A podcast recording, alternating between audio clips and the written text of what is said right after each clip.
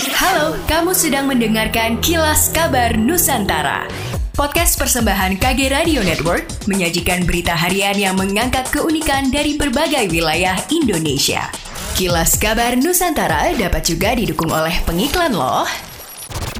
Sedang merintis bisnis baru atau ingin belajar lebih tegar dalam menghadapi tantangan bisnis? Jangan sampai ketinggalan setiap episode terbaru dari podcast Smart Inspiration ya. Persembahan Smart FM, part of KG Radio Network.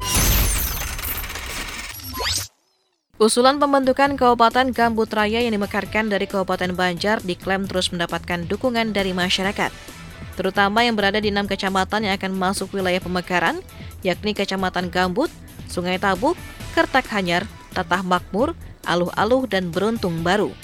Anggota DPRD Kalimantan Selatan yang juga Ketua Satu Tim Penuntut Pembentukan Kabupaten Gambut Raya Gusti Abidin Syah mengungkapkan saat ini kajian untuk kelayakan pembentukan kabupaten baru sudah rampung dan dukungan dari warga di enam kecamatan juga sudah melengkapi syarat dari pemerintah pusat.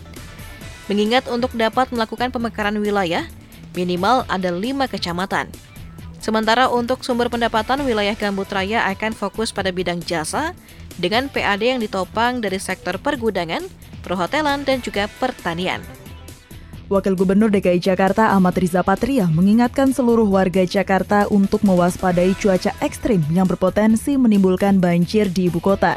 Riza mengatakan warga perlu memastikan lingkungannya masing-masing bebas dari sampah agar tidak terjadi penyumbatan pada saat curah hujan tinggi.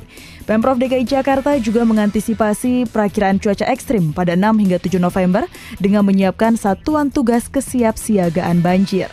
Pelaksana tugas Kepala Pusat Data, Informasi dan Komunikasi Kebencanaan Badan Nasional Penanggulangan Bencana Abdul Muhari menjelaskan, salah satu penyebab terjadinya banjir bandang di Kota Batu, Jawa Timur adalah hancurnya bendung alam akibat tingginya debit air dari hulu. Bendung alam ini terbentuk oleh longsor-longsor kecil dari sisi tebing yang tidak dilindungi vegetasi berakar kuat. Masalah lain yang memperparah dampak banjir bandang adalah banyaknya kebun-kebun semusim di lereng tebing sungai yang berpotensi longsor jika terjadi hujan dengan intensitas tinggi. Demikianlah kilas kabar Nusantara pagi ini.